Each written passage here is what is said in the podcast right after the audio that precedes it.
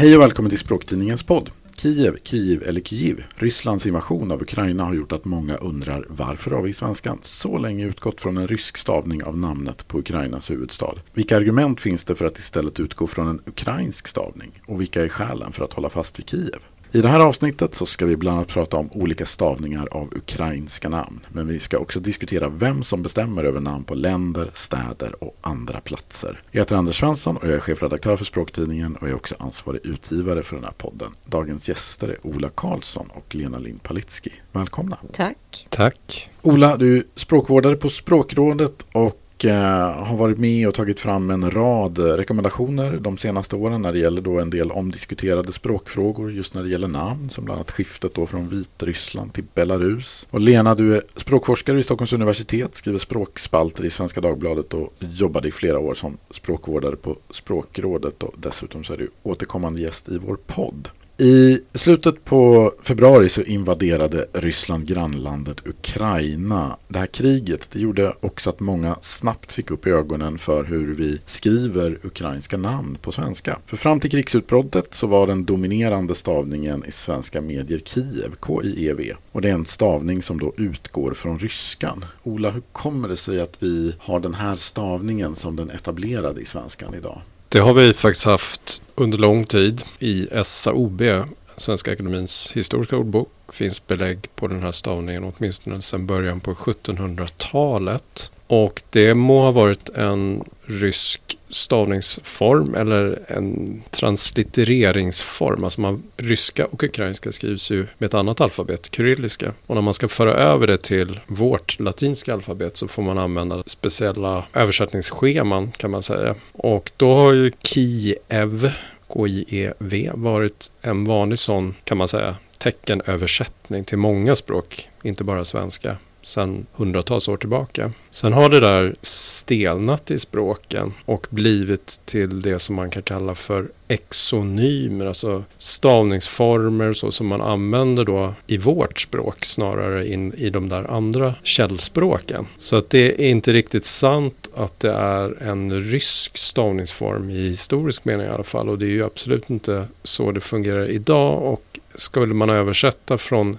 ryska till svenska idag så är det inte heller Kiev utan K-I-J-E-V, Kiev. Men det här är en historisk rest snarast som vi bara håller fast vid för att vi är så vana vid den. Den här frågan den har ju fått en hel del uppmärksamhet i samband med kriget i Ukraina och den ryska invasionen. Vad är det som människor undrar över när de hör av sig till språkrådet med frågor om det här? Ja, men det är just det där om är det här en rysk form och i så fall varför går vi inte över till en mer ukrainsk form?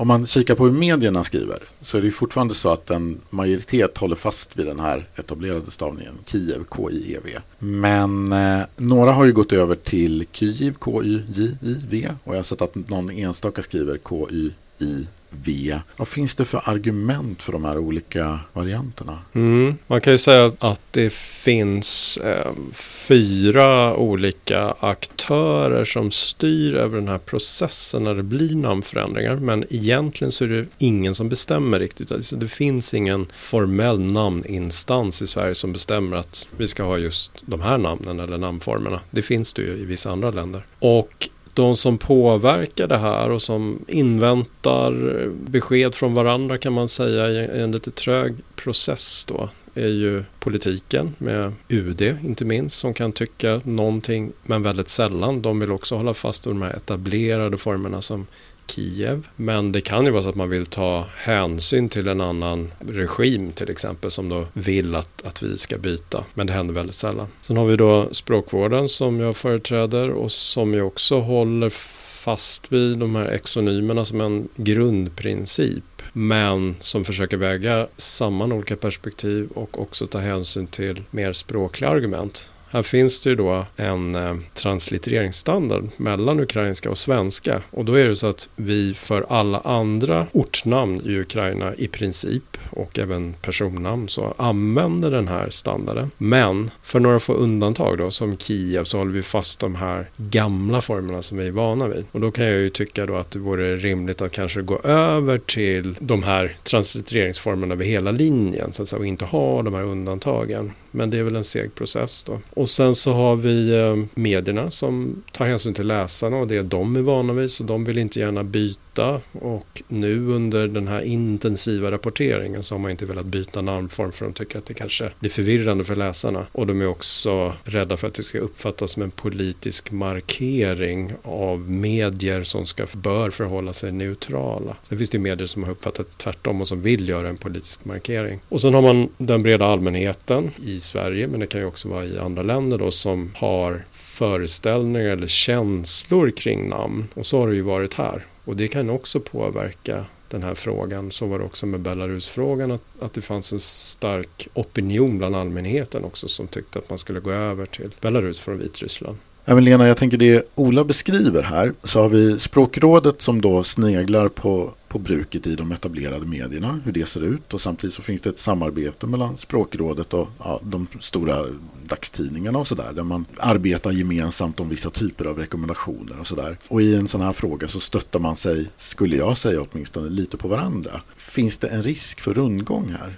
Ja men absolut. Eller man kan ju kalla det rundgång. Alltså så här funkar ju språkvården generellt. Det är inte bara i den här frågan utan det är ju mycket så att språkvården när de ska rekommendera någonting tittar på hur det ser ut i medietexter, vad är det som är vanligast, hur används olika ord och former och så vidare. Och sen så sneglar man tillbaka. Det blir ju en typ av rundgång. Men det är ju också bra typ av rundgång för det finns någon typ av samstämmighet då. Värre vore ju om, säg, språkrådet pekade åt ett samtal, medierna gjorde på ett annat sätt, allmänheten gjorde på ett ytterligare annat sätt. Det vore ju liksom en värre situation. Så att man kan ju även se det som att det finns en, en samstämmighet i rekommendationerna och att man faktiskt pratar ihop sig. Det finns ju också organ där man pratar ihop sig som mediespråkgruppen där Ola sitter med till exempel. Så att det här borgar kanske för då att språkbruket även om det då finns en viss risk för att man kanske tittar lite mycket på varandra så får vi åtminstone någonting som kanske blir ganska enhetligt och inte så förvirrande. Är det det som är lite poängen? Ja, men precis. För det skulle ju vara väldigt förvirrande om det spretade åt olika håll om man hade olika rekommendationer. Så man måste ju snegla på varandra. Ja, jag håller med. Och det är ju så det fungerar allmänt i språket som du var inne på. Även ordböcker avspeglar ju ett bruk. Men samtidigt uppfattas ordböckerna som en normkälla som man ska följa. Och då blir det lite av en cirkelargumentation där och en, en tröghet i språket. Men jag tycker att det är, ibland kan det ju vara ett litet problem och det, det går lite trögt just att alla går och väntar på varandra. Och vad, vad ska ni gå ut med för rekommendationer? Kommer ni att förändra någonting? Och som språkvårdare får man ibland då träda in i rollen att att medla mellan olika perspektiv och syna alla argument och för, försöka få med sig de här andra aktörerna, politiken och medierna i de samrådsgrupper vi har. Så att alla kan enas om någonting. Och det var så det funkade med både Burma-Myanmar-frågan och Vitryssland-Belarus-frågan. Att vi synade alla argument under lång tid och Sen eh, fick vi alla medier i stort sett i Sverige med oss på samma tåg. Och Men där var det väl i Belarusfrågan så diskuterades ju i mediespråksgruppen under väldigt många år fram och tillbaka. Att till slut var det väl DN som stack iväg och liksom började och då och då man kom till någon typ av tippningspunkt. Ja, de, hann ju, de hann ju skriva Belarus i rätt några år innan så att säga det här stora skiftet i medierna kom väl? Jag tänker att det är ofta det som föregår någon typ av förändring. Först är det liksom samstämmighet och alla tittar på varandra och till slut så är det någon som sticker iväg och ändå går före. Liksom. Mm, jo, man kan ha olika syn på normering och, och eh, språkliga traditioner och sådär. Och där var det ju DN som gick händelserna i förväg, lite av politiska skäl och det kan ju vara så att det uppstår föreställningar om namn, till exempel att de är kolonialt belastade, det är väldigt vanligt idag. Och det fanns en syn i, om vi kallar det kultursverige då under några år, där man uppfattade att Belarus var, att, att stå för det var att också stödja oppositionen i det som då var Vitryssland. Men sen så kan man ju ta kan ju andra medier då ta det som argument för att de också ska gå över till Belarus. För då sneglar ju de, apropå den här rundgången och hur man sneglar på varandra, så det är andra medier som då sneglar på och säger att ja men DN har gått över till Belarus, då gör vi det också. Absolut, så, att, så går ofta diskussionen. Ja. Hur, hur gör ni? Ja men vi har ändrat, ja men okej okay, då kanske vi gör det också. Så trivialt fungerar det ofta. Och det är ju liksom andra språkfrågor också. Jag minns de här diskussionerna om hen till exempel i mediespråksgruppen. Där var det ju jätte jättemycket snegla på varandra och inte bara liksom inom språkvården utan det var ju mellan myndigheter. Så här, den myndigheten, jag kommer ihåg hur man höll reda på så här, nu har den myndigheten börjat använda det och nu har den börjat använda det, då kan vi också. Och tidningar emellan och sådär.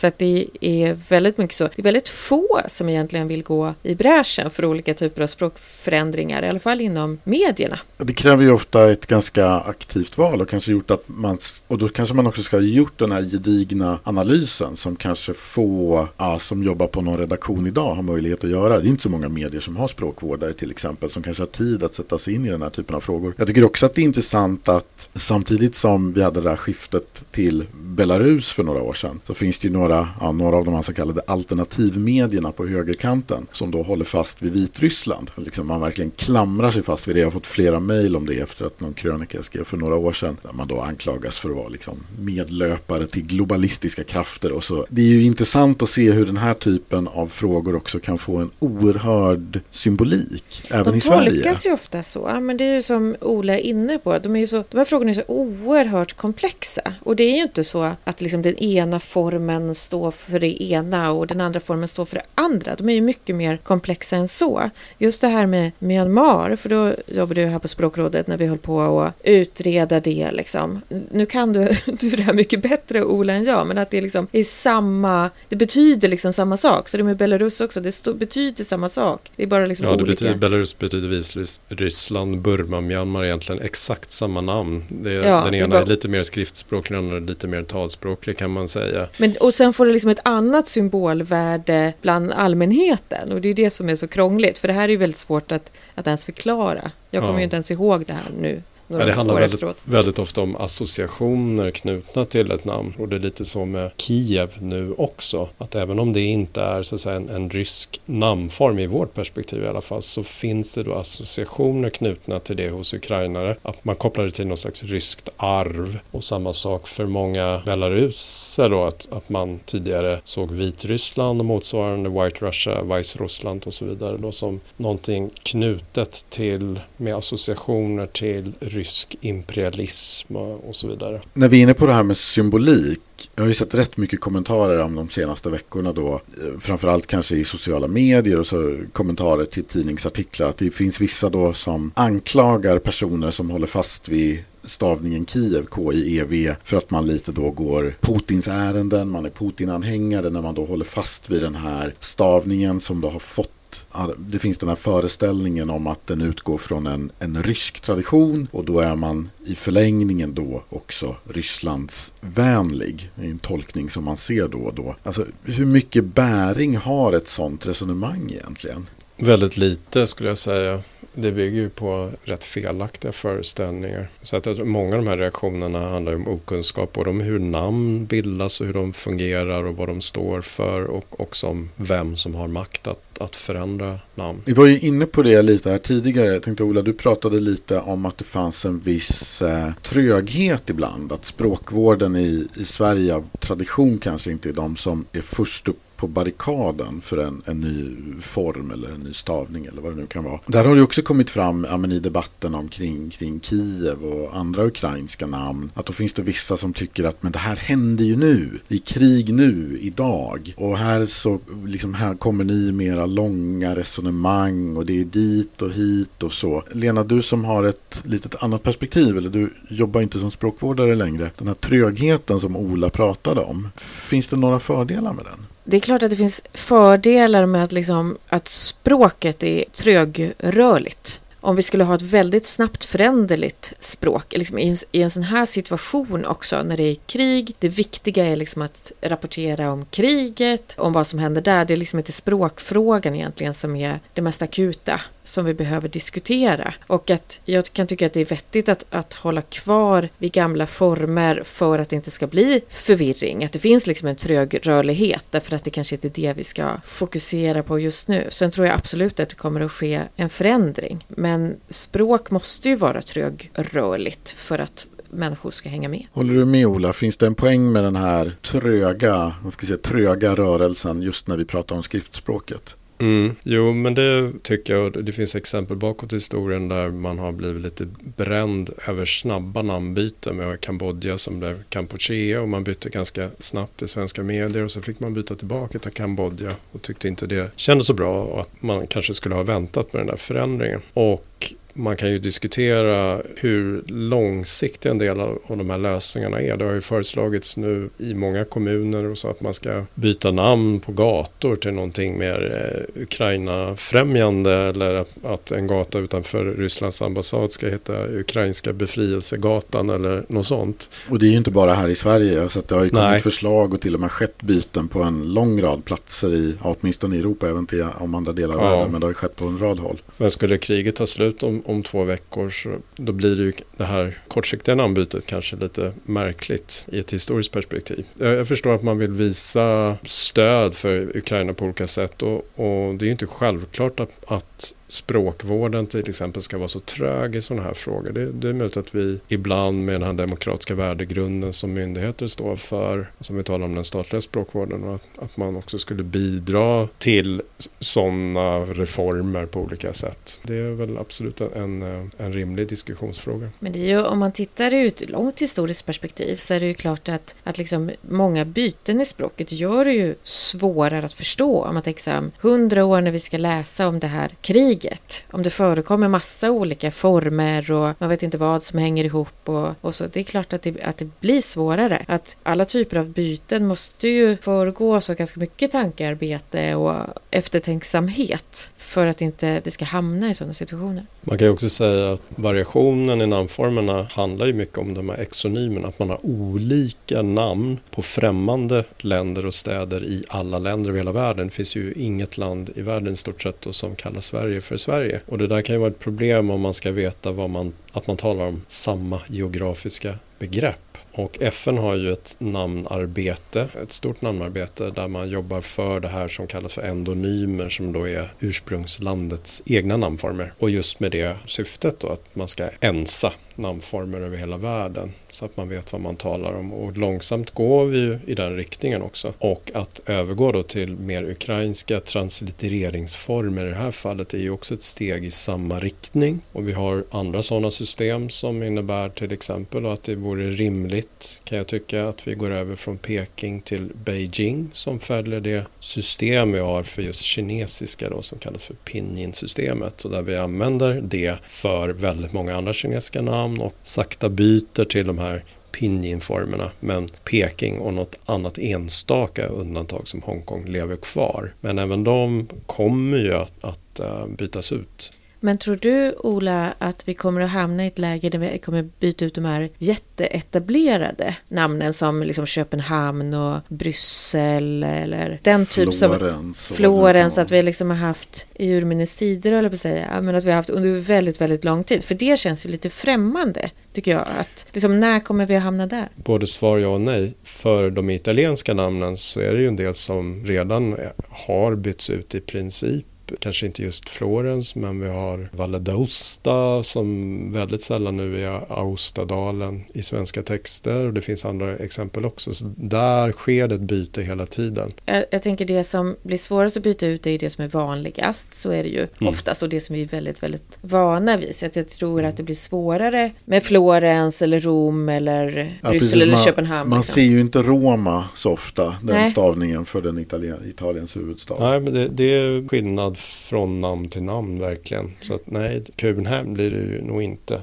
Men Valledosta är redan här så att säga. Mm, men vilket liksom tidsperspektiv ser du på Köpenhamn då? Ja, jag tror att den här exonymprincipen står ju väldigt stark. Även om det finns då det här FNs namnarbete och många som tycker att det här med endonymer, att vi ska byta ut också på uttalsnivå. Vi ska inte säga Arkansas utan Arkansas och man, man försöker välja mer också namnformer i stavning med sådana här diakritiska tecken på främmande ortnamn och, och sådär. Så att vi går ju långsamt åt det hållet. Och det är bara en fråga om hur långt vi kommer gå, hur, hur lång tid det tar. Det, det är ingen det är som vet. Det är ju lite motstridiga, alltså det som ställer till det lite är ju att det är lite motstridiga språkvårdsprinciper kan man ju säga. Just Ja. det här med att vi, eh, när det gäller namnformer så har vi gått väldigt mycket mer åt det här hållet. Och och det går ganska fort har jag upplevt liksom, de senaste åren att vi pratar om att använda diakritiska tecken på rätt sätt och, och så. Samtidigt så är det ju fortfarande att den svenska språkvården jättegärna vill liksom försvenska olika lånord och former och vi ska göra svenska böjningar och, och så vidare. I alla fall när det inte gäller namn. Så det är ju liksom lite motsatta språkvårdsprinciper som Mm. står mot varandra. Av ganska goda skäl skulle jag säga att de går emot varandra. Men det är ändå någon typ av eh, motstridighet i det. Ja, det skulle jag också säga. Och jag tänker att det här kommer just nu. Är det för att vi lever i en mer, lite mer globaliserad värld? Att vi kan det spela in också att vi har lättare nu. Vi mest, de flesta skriver säkert mer på mobiler och datorer än, än för hand. Att det har blivit enklare att hålla reda på alla de här små konstiga, vad, vad det kan vara, accenterna eller liksom de, olika typer av diakritiska tecken. Ja men så är det och det blir lite en prestigefråga ofta. Att man kan uttala på ett främmande sätt korrekt eller använda de där speciella tecknen. Och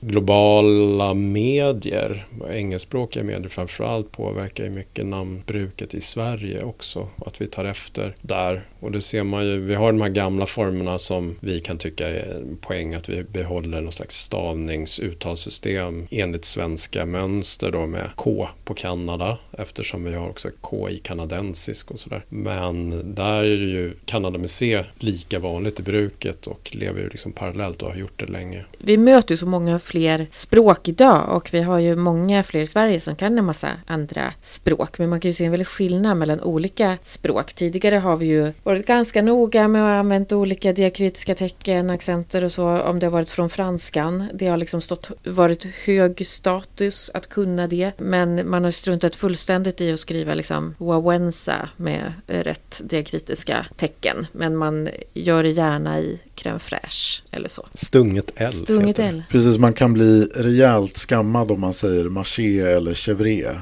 Men, men man Till klarar exempel sig. du Anders har ju Nej. avslöjat det genom att säga marchésallad. Ja, det var ju därför som jag kände lite, just det där exemplet kommer jag ihåg. Så däremot om man missar ett stunget L, då är det nog få som tar till de stora bokstäverna om de skammar det här på sociala medier eller så. Men man kan ju också fråga sig hur, hur mycket man ska kunna kräva av, av språkbrukare. Om man liksom ska skriva någonting från ett språk där man använder otroligt många diakritiska tecken som polska till exempel då. Vad ska man kräva att en språkbrukare ska behärska för att kunna skriva någonting? Vi var ju inne lite på det här skiftet från Vitryssland till Belarus för några år sedan. Jag tänkte Ola, det här var ju en fråga som du arbetade en hel del med. Vad var det som fick eh, rekommendationen att så att säga tippa över till att bli Belarus? Ja, och där hade man ju en situation där nästan alla medier höll fast vid Vitryssland. Och vi hade den här rundgången med, där språkvården fortsatte att rekommendera det utifrån bruket delvis men också kanske då utifrån att Belarus betyder Vitryssland helt enkelt. Och att vi tyckte inte att argumenten kanske var väldigt starka men det där förändrades för långsamt i takt med att det uppstod en stark opinion helt enkelt och en politisering av frågan. Och där Belarus också blev då ett sätt att visa stöd för en opposition. Och det fanns en, ett eh, belarusiskt-svenskt samarbete där man också gärna ville se att Sverige gick över till Belarus. Var det inte så att UD gick över till Belarus? Jag vill gärna säga att jag tycker att det är viktigt att de här maktaktörerna här då, språkvården, politiken, medierna och så vidare samverkar i det här och, och det gör vi ofta men ibland kan det ju vara så att politiken går lite händelserna i förväg och inte kommunicerar med oss andra. Och det hände ju då när, när Ann Linde skulle göra ett statsbesök i Minsk så gick hon ut på DN Debatt och menade att Sverige åtminstone då i diplomatiska sammanhang, och mellanstatliga sammanhang vilket inte är riktigt är samma sak som då att, att vi ska ändra över hela linjen i allmänspråket. Så. Men att UD i alla fall skulle då byta till Belarus. Och det är klart att det påverkade ju också och mediernas ställningstagande i, i frågan. Ska man som språkvårdare, ska man ta hänsyn till både vad politiker i Sverige tycker vi ska använda men även vad till exempel Ukrainas president tycker är den lämpligaste varianten? Är det någonting man ska bry sig om? Det gör man nästan aldrig. Det står vad jag vet också, eller har gjorts sedan eh, Belarus blev självständigt då i deras konstitution att andra länder bör benämna det här landet Belarus. Det är lite märkligt men det är ganska vanligt och blir allt vanligare att man från olika nationer önskar eller till och med kräver att andra länder ska använda en viss namnform. Turkiet gick ju nyligen ut och, och tyckte att man skulle säga Tyrki eller skriva Tyrki om det här landet. Dels för att man var trött på kalkonassociationerna i alla fall i engelskspråkiga länder. Dels tror jag också för att man, man tycker att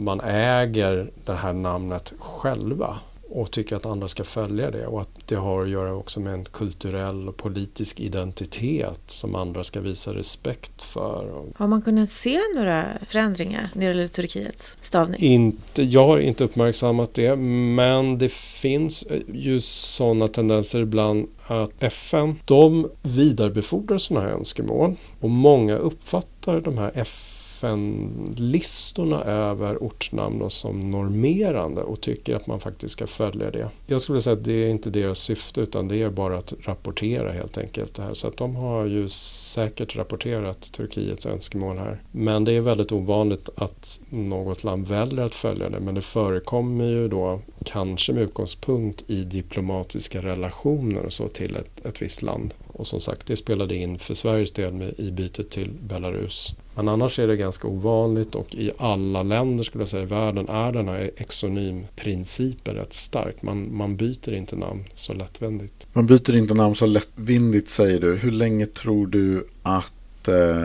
rekommendationen Kiev, KIEV, om du skulle gissa, hur länge tror du att den kommer ligga fast? Det är ju jättesvårt att veta. Just nu så håller politiken, UD, även eh, e EU-institutionerna fast vid Kiev och medierna gör det men med några få undantag. Alltså där mm, ser man ju att frågan har politiserats en del. Det finns vissa medier som har gått över till den här translittereringsformen då, Kyiv. Men jag tror ju också att de språkliga argumenten som jag gärna vill framhålla som jag tycker att andra aktörer kanske inte tar så mycket hänsyn till att, att det kommer ju att påverka som jag sa tidigare att den här translitteringsstandarden kommer göra att vi vill eh, följa det fullt ut då. Så att jag tror att det blir en övergång till QGIV. Jag skulle gissa det. Men det kan ta kort tid, det kan ta lång tid. Vi får se. Det är ju inte heller den enda ukrainska staden. Det påverkar ju många andra också. Ja, precis. Ett antal undantag men också eh, namnet på nationen då, så att det skulle vara Ukraina med ett J där i, i mitten i så fall om vi fäller den här standarden fullt ut. Men det tycker jag ju att, att vi bör göra på sikt i alla fall när, när tiden är mogen för det. Och det är väl även andra städer som också förekommit rätt mycket i medierapporteringen. Tjernobyl, Odessa. Skulle väl bli nya stavningar där också i sådana fall va? Ja, där är ju bara små stavningsförändringar så att Odessa går bara från 2S till 1S. Så det, det är ju en baggis. QGIV blir ju en lite större ändring som jag tror då har inneburit att medierna har värjt sig för den ändringen just nu i alla fall. Men den kommer ju säkert bli vanligare framförallt i internationella medier och engelskspråkiga medier har deras translitteringsform Kyiv utan J där i mitten. Den har slagit igenom mycket mer och jag tror att det kommer påverka svenska medier vad tror du Lena? Tror du att vi kommer hålla fast vid den här KIEV-skrivningen ett tag? Eller känns det som att det är en förändring på gång här? jag tror som Ola att det kommer ju bli en förändring på sikt. Men jag har svårt att se att den skulle ske inom de närmsta liksom, veckorna eller så. Är det lite för att man då gärna kanske undviker att byta mitt i en konflikt, mitt i ett krig som det är i det här fallet? Ja men precis, så att man eh, ville rapportera på samma sätt nu under den här perioden. Vilket jag kan tycka är klokt. Då säger jag tack så mycket Lena Lind Palitski och tack så mycket Ola Karlsson. Tack.